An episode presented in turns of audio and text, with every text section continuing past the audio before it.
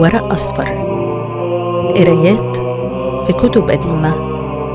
بودكاست من إعدادي وقرايتي. نهى الإبياري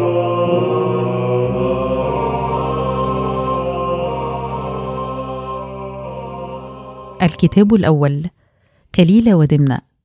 كتاب هندي قديم ترجمه عن الفارسية عبد الله بن المقفع. باب الأسد والثور الجزء السادس. قال كليلة زعموا أنه كان بأرض مردات تاجر مقل فأراد الشخوص إلى حاجة له. زعموا أنه كان بأرض مردات تاجر مقل فأراد الشخوص إلى حاجة له وكان له مئة من من حديد فاستودعها رجلا من معارفه وانطلق إلى حاجته فلما رجع طلبها منه وكان قد باعها واستنفق ثمنها. فقال له كنت قد تركتها في ناحية البيت فأكلها الجرذان فقال له لقد يبلغنا أنه ليس شيء بأقطع للحديد من أنيابهن وما أهون المرزأة في ذلك إذا سلمك الله. ففرح بما سمع منه وقال اشرب اليوم عندي. فوعده بذلك وخرج فأخذ ابنا له صغيرا حتى خبأه في بيته ثم رجع إليه فلم يزال في شأنهما حتى ذكر التاجر ابنه وافتقده فقال له هل رأيت ابني؟ فقال صاحب الحديد لقد رأيت حين دنوت منكم بازيا اختطف غلاما فلعله هو. فصاح التاجر وقال يا من حاضر هل سمعتم بمثل هذا قط؟ فقال إن أرضا يأكل جرذانها مئة من حديدا ليس بمستكبر لها أن تختطف بزاتها الفيلة. فقال أنا أكلت حديدك وسما أدخلت جوفي فادفع إلي ابني وأرد إليك ما أكلت لك وما كنت استودعتني.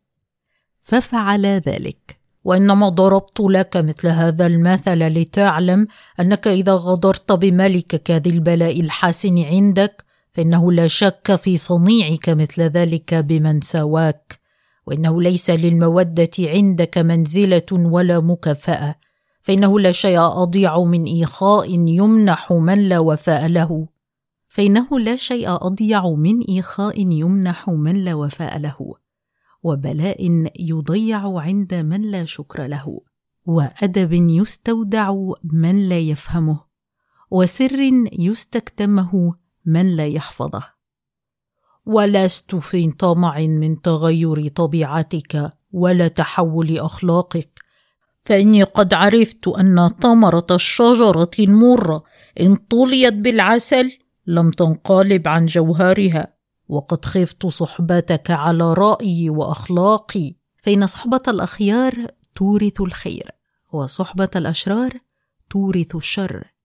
كالريح إذا مرت على النتن حملت نتنا وإذا مرت بالطيب حملت طيبا. وقد عرفت ثقل كلامي عليك وكذلك الجهال لم يزالوا يستثقلون عقلاءهم واللؤماء كرمهم والسفهاء حلماءهم والمعوج منهم المستقيم فانتهى كلام كليلة إلى هذا المكان. وقد فرغ الأسد من شتربة وفكر بعدما قتله وقد ذهب عنه الغيظ. فقال لقد فجعني شطربة بنفسه وقد كان ذا رأي وعقل ولا أدري لعله كان مبغيا عليه. فحزن وندم وبصر به دمنة.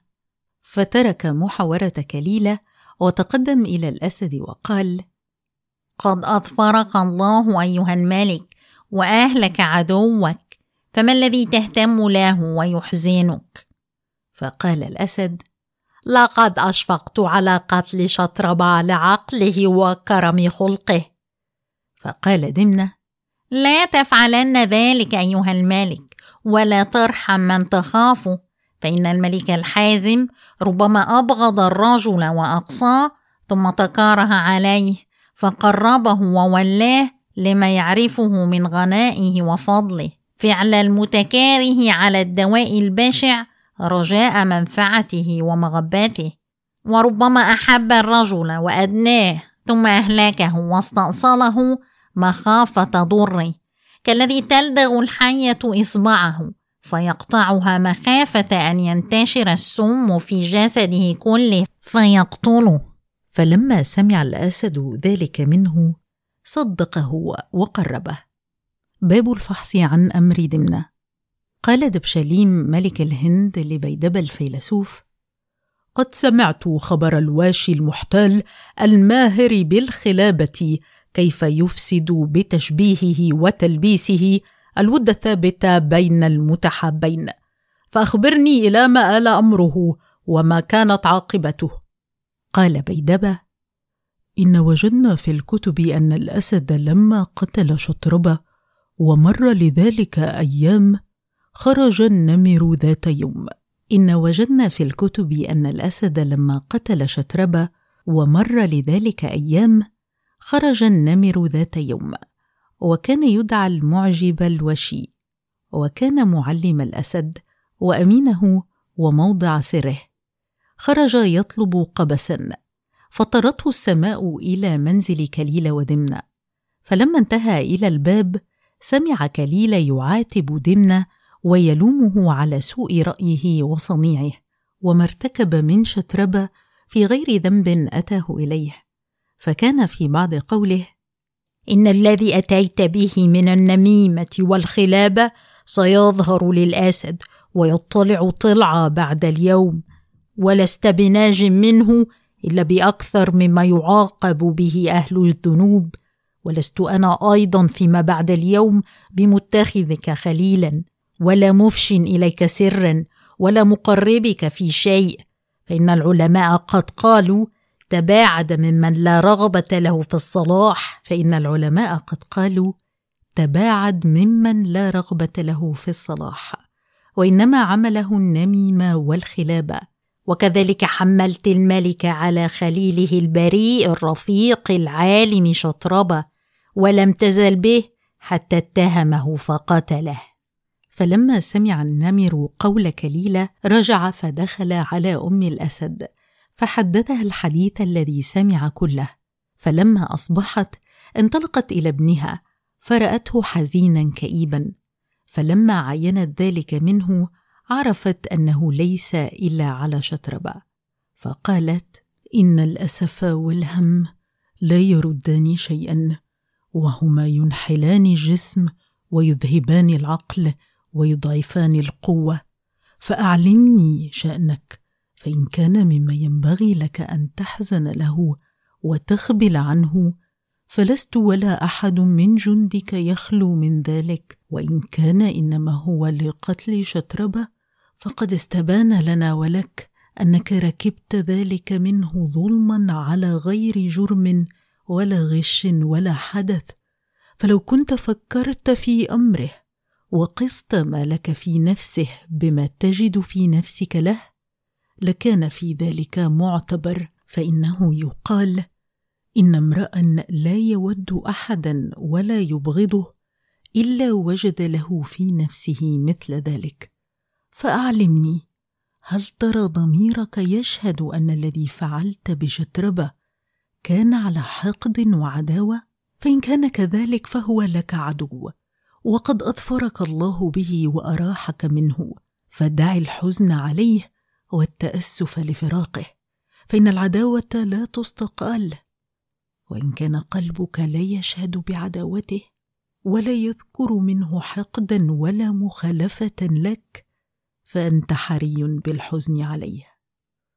فقال الأسد ما زلت لشطربة سليم الصدر واثقا به معجبا برأيه محبا له مسترسلا إليه وقد دخل علي لقتله هم شديد وما أنكرت من نفسي له شيئا قبل قتله ولا بعده. وإني لنادم على ما كان مني متلهف له موجع. وما أشكل علي الرأي أنه بريء مما لطخ به غير متهم ولكن قتل لتحميل الأشرار وبغيهم وزخرفتهم الكلام الكاذب. ولكن أعلميني هل سمعت شيئا أو حدثك به أحد؟ فإنه إذا كان الرأي موافقا لإخبار الموثوق به كان أسد للبصيرة وأثلج للصدر وأحرى أن يقدم المرء به على غير الشبهة والشك. فقالت أم الأسد حدثني الأمين الصدوق عندك.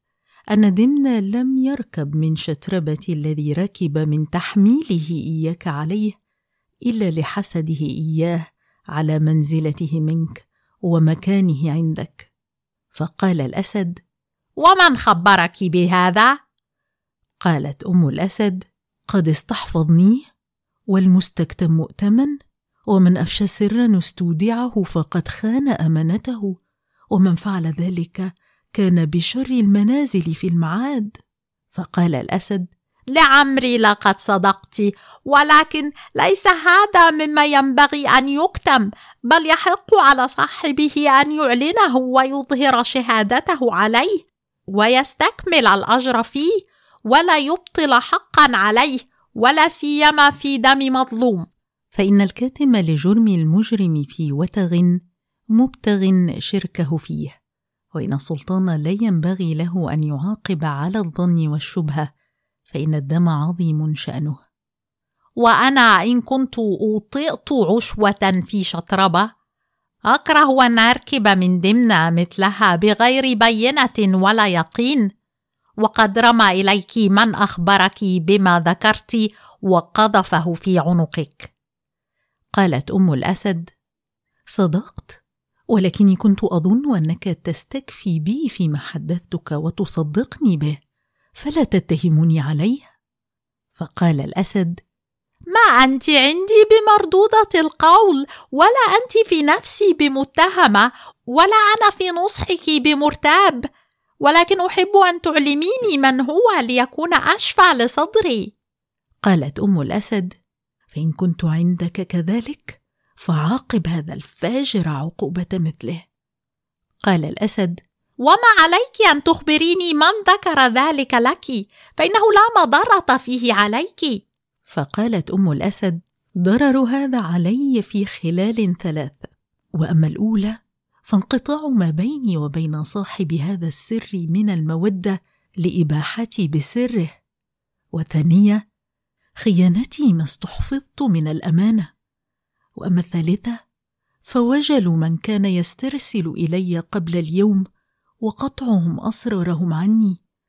ومتى أفعل ذلك؟ لا يثق بي أحد ولا يطمئن إلي. فلما سمع الأسد ذلك منها وعرف أنها غير مخبرته باسم من أخبرها قال الأمر على ما قلت وما أنا عما كرهت بالمفتش. وما يختلج في صدري الارتياب بنصحك. فأخبريني بجملة الأمر إذا كرهت أن تخبريني باسم صاحب السر. فأخبرته بجملة الأمر وقالت لست أجهل قول العلماء في تعظيم فضل العفو عن أهل الجرائم ولكن ذلك إنما هو فيما دون النفوس أو خيانة العامة التي يقع بها الشر ويحتج بها السفهاء عندما يكون من أعمالهم السيئة واستغشاش الملك بالأمر الذي يصل خطأ إذا كان فيه إلى العامة وكان فيما يقال لا ينبغي للولاة استبقاء الخونة الفجار أهل الغدر والنميمة والتحيل والإفساد بين الناس ومن يكرهون صلاحهم ولا يرحمونهم لما نزل بهم. وأولى من نفى عن الرعية ما أفسدهم وساق إليهم ما أصلحهم القادة المتولون لأمورهم. وأنت بقتل دمنه حقيق. فإنه كان يقال إفساد جل الأشياء من قبل خلتين. إذاعة السر وائتمان أهل الفجور. وإن الذي أنشب العداوة بينك وبين شتربة أنصح الوزراء وخير الأعوان حتى قتلته غدرا. هو دمنه بحيلته وخلابه ومكره وخيانته. وقد اطلعت على مكنونه. وبدا لك ما كان يخفى عليك. وعلمته في نحو ما تذكر من حديثه إياك قبل اليوم. فالراحة لك ولجندك إذ ظهر لك منه ما يكتم. قتله عقوبة لجريمته. وابقاء على جندك من شره فإنه ليس على مثلهن بمأمون. ولعلك أيها الملك أن تركن إلى ما آثرته من العفو عن أهل الجرائم فإن راوأت في ذلك فاعلم أنه ليس منهم من يبلغ جرمه جرم دمنة. فلما سمع الأسد ذلك نادى في جموعه فحضروا وأتى بدمنة.